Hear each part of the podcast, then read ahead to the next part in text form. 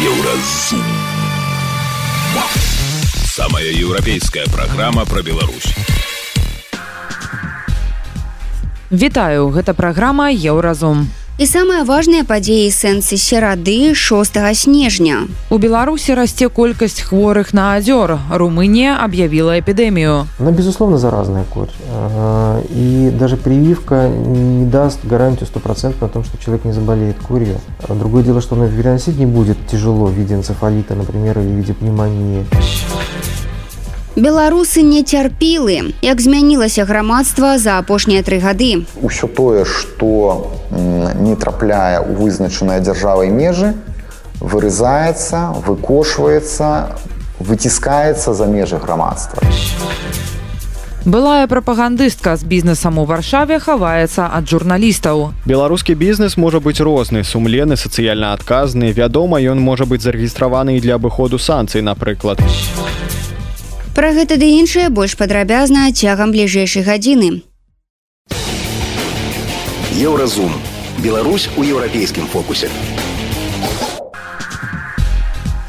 У Беларусі расце колькасць захворванняў на адзёр. Мінздароўя паведамляе, што з лістапада выяўлена больш за 90 выпадкаў. 5 снежня пра эпідэмію гэтай небяспечнай інфекцыі на сваёй тэрыторыі аб'явіла Румынія. У краіне зафіксавана больш за 2000 хворых. Па словах румынскага міністра аховы здароўя Александра Рафілы, прычынай успышкі адру стаў нізкі ўзровень вакцынацыі, які захоўваецца ў краіне апошнія 10 гадоў. Узровень 95соткаў лічыцца небяспечным, але мы дасягнулі 78 у выпадку першай дозы і толькі 62соткі у выпадку другой, патлумачыў міністр. Па яго словах румыны пачалі адмаўляцца ад прышчэпак з 2009 года, але праз кавід гэтая мода зноў актывізавалася. Як паведамляе беларускае мінздароўя, выпадкі адру зафіксаваныя ў брэскай, гомельскай, мінскай абласцях і мінску. 74соткі захварэлых не былі прышчэпленыя. З іх 48соткаў дзеці. Мінулая ўспышка на азёры ў Еўропе фіксавалася ў 18 годзе. У Беларусі тады таксама былі выпадкі ядру. Мінздароўя назвала іх завезенымі. Інфікаванымі ў асноўным апынуліся непрышчэпленыя дзеці, якія адпачывалі з бацькамі ва ўкраіне. У той час еўрарадыё афіцыйна працавала ў Беларусі, мела акрэдытацыю ад беларускага міністэрства замежных спраў і магло размаўляць з беларускімі лекарамі. Вось што наконт неабходнасці прышчапляцца нам распавёў на той момант загадчык аддзялення анестэзіялогіі і рэанімацыі гарадской дзіцячай інфекцыйнай клінічнай бальніцы Максима Чарэтні.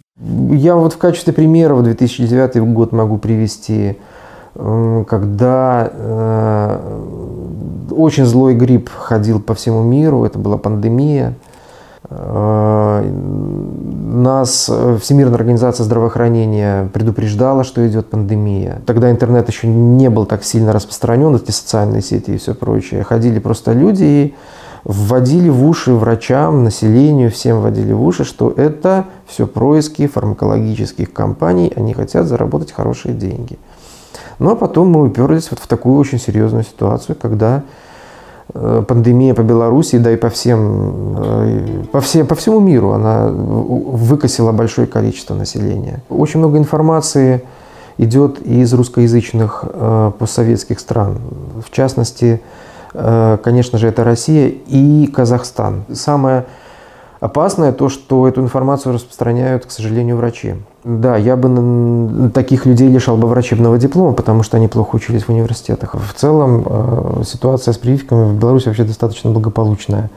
У нас поэтому э, нету такой вот э, эпидемической какой-то опасности по тем или иным заболеваниям. Но, безусловно, все это на контроле держится. Контролируется это благодаря, естественно, конечно же, прививкам вот, которые, слава богу, население не отказывается от этих прививок, несмотря на то, что идут очень такие отрицательные отзывы из прессы о э, прививках в частности, потом пошла вот это вот о закупках и прочее, и прочее, и прочее. Слава богу, люди прививаются. Если мы не будем прививаться, мы в такие дебри залезем. Она, безусловно, заразная корь. И даже прививка не даст гарантию стопроцентно о том, что человек не заболеет курью. Другое дело, что он переносить не будет тяжело в виде энцефалита, например, или в виде пневмонии. А если уже э, человек заболевает энцефалитом или коревым, или пневмонией коревой, нужно понимать, что лекарств от этого нету. Спецыялісты ўпэўненыя, што галоўным эфектыўным сродкам у барацьбе з адром і іншымі смяротна небяспечнымі інфекцыйнымі захворваннямі з'яўляецца вакцынацыя. Таму памятайце пра калектыўны імунітэт, які абараняе чалавецтва ад распаўсюду небяспечных хваробаў і прышчапляйцеся. Еўрарадыё кропка FM.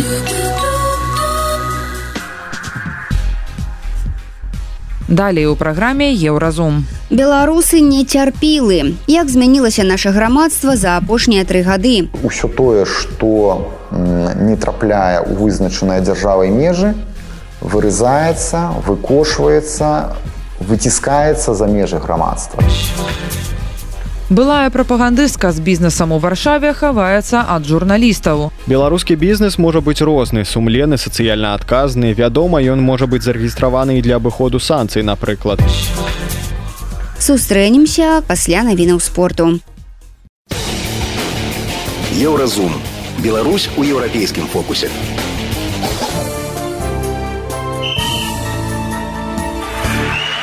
На еўрарадыё навіны спорту. Міжнародны алімпійскі камітэт пакінуў без зменаў умовы ўдзелу ў спаборніцтвах для беларускіх спартсменаў. Яны могуць выступаць і далей, але толькі ў нейтральным статусе. Адзначаецца, што дагэтуль усе міжнародныя спаборніцтвы з удзелам беларусаў праходзілі без інцыдэнтаў, а спартсмены выконвалі строгія крытэрыі допуску. Жаночая футбольная зборная Беларусі апусцілася ў дывізіён С лігі нацый УЕФА. У сваёй групе яна набрала толькі два ачкі і заняла апошняе месца. Напярэдадні беларускі прайгралі ў гасцях зборнай Босніі герцагавіны 01. Наступным афіцыйным стартам для галоўнай жаночай каманды нашай краіны будзе адбор чэмпіянату Еўропы 2025 года.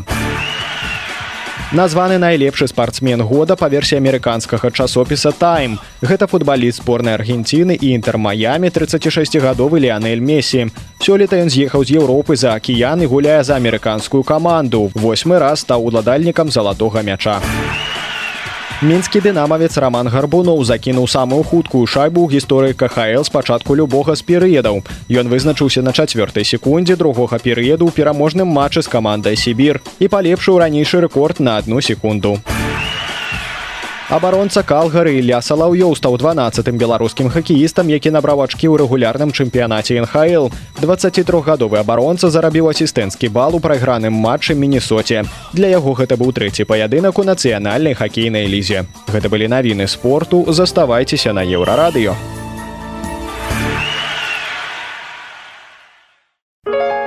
Еўра радыё моц настрою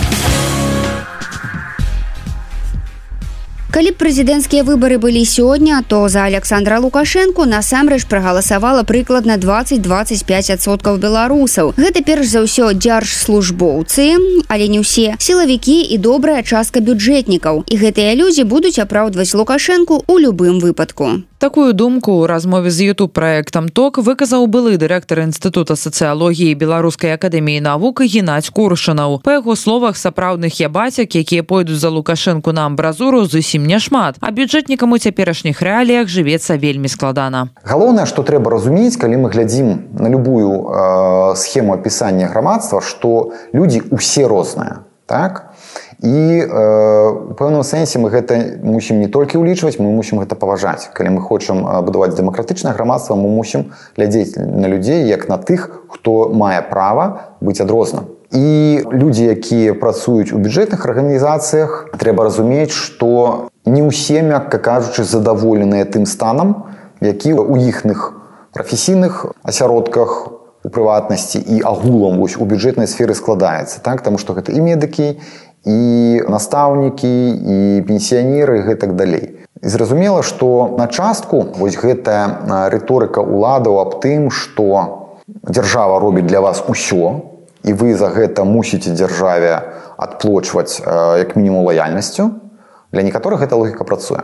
Шмат для каго гэта не працуе. Так? Таму што чалавек разумее, што ён робіць працу, ён плоціць падаткі і дзяржава мусіць за гэта нешта вяртаць вяртаць паслугамі вяртаць там э, абаронай краіны абароны суверэнітэту гэтак далей Таму э, вось гэтыя групы яны я іх вылучаў не з пункту гледзяшча іх унутранай аднароднасці да? Таму што тут э, трэба па-іншаму працаваць. А гэта хутчэй бачанне таго, якую карціну малюе ўлада праз свае патрабаванні да людзей. Разумееце, не тое, як людзі групуюцца самі, а як хацела б выбудаваць грамадства ўлада. Як вы думаеце, пры якіх умовах тыя, хто супраць лукашэнкі былі гатовыя калі б не падтрымаць яго так, то прынамсі змірыцца такое магчыма? Я не думаю, што вось гэтае замірэнне ці дэпалітызацыя, якая зараз ідзе, яна прывядзе да вялікага якаснага росту вось ядзернага электарату лукашэнкі. Цяжка задаваць людзям пытанні пра давер начальніку концлагера Таму што гэта недавер, гэта максімум падначалення. Гэта максімум таго, каб зрабіць так, каб ты не трапіў у наступную расстрэльную групу. Як вы думаеце, колькі ў беларускім грамадстве пасіянарных ябацяк, то бок тых, хто гатовы актыўна дзейнічаць, выступаць, абараняць лукашэнку? Я думаю, што грубо кажучы, палову можна назваць па імёнах, так, па імёнах і прозвішчах. А тое, што іх не шмат, іх вельмі не шмат, гэта было вельмі добра бачна ў двадцатым годзе. Да? Калі на пратэсныя мітынгі выходзілі сотні тысяч, то на праўладныя набраць десяткі тысяч гэта было амаль выключна невыкананая задача так? Ну, нагадаю што тысяч... звозілі на аўтобусах і за грошы на палову прымусовым такім парадку Вось і ўсё гэта ну, больш наглядна нешта такое вельмі цяжка прыгадаць каб праілюстраваць тое што ініцыятыўнай такой дзейнасці ў падтрымку рэжыма я няма Па словах сацыёлага у беларусі яшчэ ёсць людзі якія падтрымліваюць не лукашэнку а яго палітыку. Ім важная так званая сацыяльная дзяржава з бясплатнай адукацыяй медыцынай і гэтак далей. І падтрымка вось такіх асобаў на ўзроўні 30-35 адсоткаў кажа коршунаў. Аднак ці прагаласуюць яны за прэзідэнтку Наталлю качанаву ці за колю лукашэнку? Ну тут трэба было паглядзець я бы качанова сябе паводзіла у у свабоднай сітуацыі так? Таму што мы ж яе такую ніколі не ведалі і не бачылі. Гэта чалавек які э, выбудаваў ці якому вы выбудавалі кар'еру э, не пра не столькі праз яе там э, нейкія прафесійныя кампетэнцыі а выключна дзякуючы вось абсалютнай лаяльнасці. І тое што зараз бачна з яе выступаў дарэчы як і ў галучынкі э, это адсутнасць асобы калі паглядзець як такога ні галоўчынкі ні качанавай няма. Гэта просто транслятары думак лукашэнкі. Калі яны нешта кажуць яны кажуць сан григорч вось тое тое лукашенко сказаў тое. Лукашенко іх як тых хто можа сказаць я хочу тое я зраблю то іх фактычна няма І качанова ў гэтым сэнсе для лукашэнкі даволі такі зручны персонаж я выбачаюся нават інструмент да, якім ён э, намагаецца зрабіць адчуванне што у ўлады ёсць і жаночая частка. А вось як э, коля гэта інструмент для таго каб зрабіць лукашэнку э, крыху больш чалавекам паказаць што ў яго нібыта таксама ёсць сям'я Ну, ось так і качанова нібыта грубо кажучы як вось нібыта яго жонка ці жаночая частка і, і янь рэжыму але фактычна як гульца яе няма Як вы думаеце а да савета рэспублікі і палаты прадстаўнікоў агулам як ставяцца беларус як у людзей запытацца што лепей там мазыраці ці ламбарджіне ці запытацца вось у чалавека які ніколі не трымаў у руках рыдлёўку запытаецца якая рыдлёўка лепей вось завостраным таким канцом ці з таким вось э, прамым. Людзі не сутыкаюцца з гэтымі э, інстытуцыямі. З аднаго боку з, з другого боку і самі інстытуцыі яны ж нічога не вырашаюць. І таму стаўленне яно вельмі абстрактнае. З другого боку я думаю калі мы запытаем у людзей то что такое одно и что такое другое, Ну я б сказаў, што больш за палову іх не адрозніць. Таму што гэта, гэта фікцыі, гэта не інстытуты. Як вы думаеце, як беларускае грамадства ставіцца да Мікалая Лукашэнкі? Ну можна казаць зараз, што з яго намагаюцца зрабіць такі нейкі варыянт прынца сучаснага з налётам глянца. Але наколькі гэта будзе э, успрынята грамадствам вялікае пытанне, Таму што тыя, хто пастарэй, памятаюць, як э, Лукашенко цягаў гэтага дзіцёнка адразу куды заўгодна і стаўленне хутчэй не як да умоўна палітыка, а як да дзіцёнка лукашэнкі. І вось гэтае дзіцёнак яно будзе над ім вісець, я думаю, даволі доўга. І з аднаго боку з другого боку, напрыклад, у Віктора Лукашенко гэтага няма. Гэта ну, асобная не вельмі скажем можа для шырокіх колаў вядомая асоба.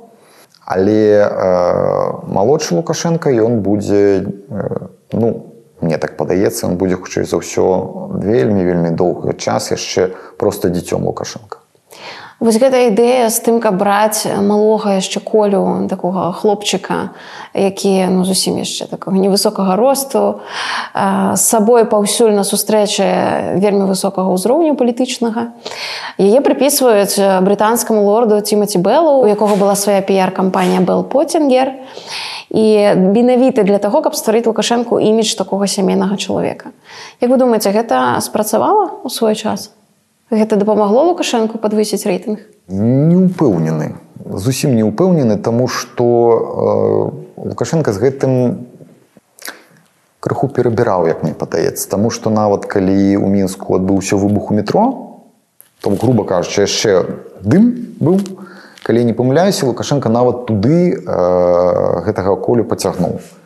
І я памятаю вось гэтыя пытанні якія пасля узнікалі а навошта что ты хочаш гэтым атрымаць? І хутчэй было ну тут увага была не на вобраз лукашэнкі як чалавека сямейнага ці там што а куды ён цягне дзіцёнка? Навошта ён заўсёды яго з сабой? Там гэта хутчэй вызывала такое непаразуменне. Ну а навошта? а Сацыёлог падкрэслівае, што вынікі апытанняў, якія цяпер праводзяцца ў Беларусі даволі рухомыя і залежаць ад кантэксту. На іх трэба глядзець у дынаміцы. Вось што Коршынаў распавядае, як за апошнія тры гады змянілася беларускае грамадства. Грамадства зараз сапраўды вось як прагназавала э, Марія Калеснікава, яно закатана ў асфальт. Да? І яно калі працягваць вось гэтую аналогію, яно трамбуецца, трамбуецца, трамбуецца. Усё тое, што не трапляе ў вызначаныя дзяржавай межы, вырызаецца, выкошваецца, э, выціскаецца за межы грамадства так? і у тым ліку за мяжу э, геаграфічную. І таму вельмі цяжка казаць пра структурныя змены. Хаця даследаванні паказваюць, што жыццё не толькі паўсядзённае, не толькі тое, што людзі ходзяць на працу, людзі ходзяць там, нейкія імпрэзы у крамы працягваецца грамадзянскае жыццё. Але яно сапраўды у такім партызанскім фармаце. Это дарэчы вось цікавае даследаванне. Не так даўно надрукаваў біпарт менавіта пра тое як зараз у якім фармаце выжываюць і дзейнічаюць структуры грамадзянскай супольнасці якія засталіся ў беларусі. Яны ёсць яны дзейнічаюць але гэта сапраўды дзейнасць партызанская дзейнасць на мяжы выжывання. А светапоглядныя змены адбыліся? Вось я думаю, што тут сапраўды адбыўся выбух і сапраўды можна казаць, што ў пэўным сэнсе адбылася такая нацыянальна-грамадзянская перакадзіроўка у значнай часткі беларускага грамадства. Адбылося пераасэнсаванне шмат якіх рэчаў. Перасэнсаванне сябе, что значится быть э, человеком, что значит быть грамадзянином и что значит быть белорусом. Белорусы терпилы? Не. Коли бы были терпилы, то не выжили бы. Правильно казать, мне подается про то, что белорусы помяркоўныя. Так, адзінае, што э, вось гэтае слово часцяком перакладаюць не вельмі дакладна, а часам зусім недакладна. У любой мове ёсць словы, якія нельга на іншую перакласці адзім ці двума словамі. Да? Вось. І памяркоўнасць гэта тое ж самае. Што такое памяркоўнасць? Гэта тое, калі чалавек, людзі група не вырашаюць гвалтам, не вырашаюць адразу. Да? Гэта калі трэба ўзяць час, падумаць, жонкай абмеркаваць, суседзямі можа параецца. Тады ўжо ты робіш нейкую выснову, Каш ну ось так. І збіць з гэтага ўжо тады даволі складана. Гэта быў сацыёлог, былы дырэктар інстытута сацыялогіі акадэміі навук Беларусі Геннадзь Коршунаў. Ён распавёў пра змены ў беларускім грамадстве, стаўленне беларусаў да аколі лукашэнкі і Наталі Качанавай і пра тое, колькі цяпер людзей падтрымлівае лукашэнку і ягоную палітыку. Еўрарадыё. Твая улюбёная хваля. Далей у праграме еўразум. Былая прапагандыстка з бізнесам у варшаве хаваецца ад журналістаў. Беларускі бізнес можа быць розны, сумленны, сацыяльна адказны. Вядома, ён можа быць зарэгістраваны і для абыходу санкцый, напрыклад. Сустрэнемся пасля навінаў шоу-бізу. Еўрарадыё. Твая улюбёная хваля. Шоу-біз.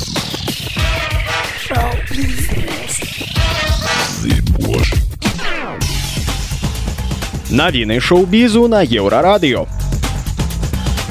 Асацыяцыя крытык Choice аб'явіла тэлевізійных намінантаў на прэмію Крытык Choice Awards 2024. Серыял Morning Show лідырае ў намінацыях выбар тэлевізійных крытыкаў. Увогуле вядомы праект лідырае ў шасці намінацыях, уключаючы лепшы драматычны серыял і лепшую жаночую ролю ў драматычным серыяле для Дженніфер Эністон і Рыс Уизерспун.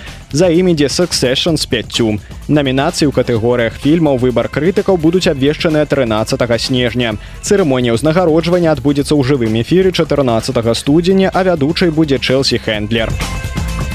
Выйшаў першы трэйлер другога сезона серыяла дом дракона. Першы ж паспяхова дэбютаваў у мінулым годзе. Яго працягнулі на другі сезон толькі праз тыдзень пасля прэм'еры, атрымаўшы рэкордныя для HBO рэйтынгі.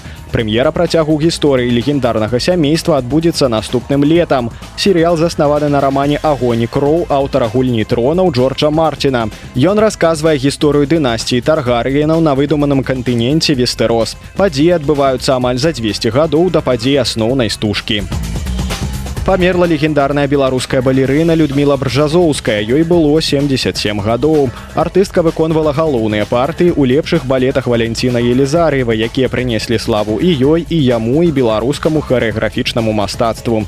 Салісткай тэатра оперы балета яна з'яўлялася 66 по 88 гады мінулага стагоддзя. Беларуская паэтэса празаек тэатральны крытык татяна мушынская прысвяціла бржазоўскай і яе партнёру юрую траяну кнігу гармонія дуэта Кароль Чарльз, каралева Каміла, прынц Уильям і Кейт Мідлтон сярод іншых членаў сям'і прысутнічалі ў суботу ў каралеўскім Альберт Холле. Перад святкаваннем штогадовага фестывалю памяці Чарльз і Каміла сабраліся з іншымі высокапастаўленымі асобамі на паўднёвым ганку Альберт Холла, каб прадставіць две новыя статуі каралевы Лізаветы і прынца Філіпа. Выданне Page6 паведамляе, што падчас традыцыйнага адкрыцця феранак здавалася манарх гатовы расплакацца, узгадваючы сваіх бацькоў слёзы навярнуліся на яго вочы калі ён глядзеў на іх ганарлівым позіркам. Піша page 6 гэта былі навіны шоу-бізу. Заставайцеся на еўрарадыё.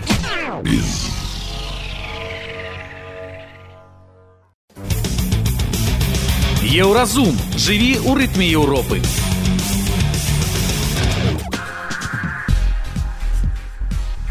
На мінулым тыдні арганізацыя Белпол высветліла, што былая супрацоўніца прапагандысцкага тэлеканала СТБ Кацярына Жыляніна мае ўласны бізнес у варшаве. Па інфармацыі блогера Антона Матолькі Жыляніна працавала на СТБ аж да 2020 года. Пасля перайшла на тэлеканал Мір. Акрамя гэтага супрацоўнічала з праўладным тэлеграм-каналам жоўтыя злівы сумнавядомым мовай варожасці і крайняй агрэсіяй у бок апанентаў рэжыму. У мінулым годзе разам з Масімам Вадзімам жылянінам верагодна братам Кацярына пераехала ў Польшу і выкупіла юрыдычную асобу. Сёлета яны адкрылі сваю фірму. Таксама у іх распараджэнні знаходзіцца студыя прыгажосці ў адным з раёнаў варшавы. Карэспандэнт еўрарадыё з'ездзіў у салон якім валодае жыляніна і паспрабаваў яе там адшукаць. Што з гэтага атрымалася распавядаем у нашым рэпартажы Увечары 4 снежня былой супрацоўніцы СТБ на працоўным месцы ў яе салоне не аказалася. Адміністратарка пацвердзіла карэспандэнту, што кацярына жыляніна сапраўды з'яўляецца дырэктарам установы. Яна паведаміла, што гаспадыня ў дадзены момант у ад'ездзе, а калі прыедзе, невядома. Пры гэтым супрацоўніца адмовілася даць мабільны тэлефон прапагандысткі, спасылаючыся на тое, што не мае на гэта права. На наступную раніцу ўжо іншая адміністратарка не стала паведамляць ніякай інфармацыі пра жыляніну журналісту. З якой мэтай вы цікавіцеся касярынай Яна не хоча адказваць на пытанні.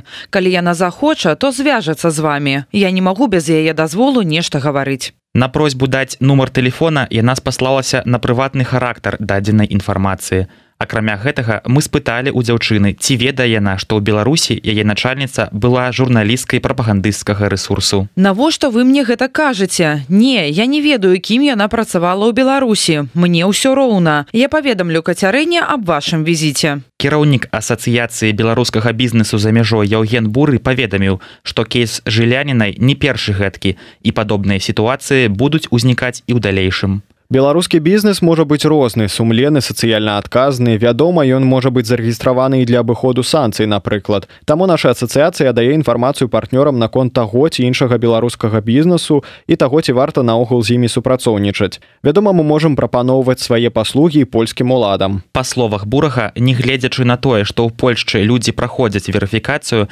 гэта не гарантуе таго, што такія выпадкі не будуць адбывацца калі казаць пра закрыццё бізнесу жылянінай то на думку бурага для гэтага трэба шукаць юрыдычныя падставы. Я думаю жыляніны ў хуткім часе сур'ёзна зоймуцца польскія ўлады. У любым выпадку павінны ўзнікнуць пытанні аб тым што яна тут робіць які ў яе легальны статус знаходжання ў Польшчы і гэтак далей.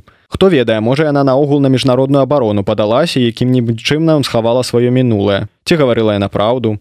Вельмі добрае пытанне. Інфармацыйная служба еўрарадыё Гэта была праграма Еўразум, штодзённы інфармацыйны падкаст еўрарадыё. Кожны дзень мы распавядаем пра галоўныя навіны Беларусі і свету. А сённяшні выпуск скончаны. Беражыце сябе. Пачуемся. Еўразум. Самая еўрапейская праграма пра Беларусь.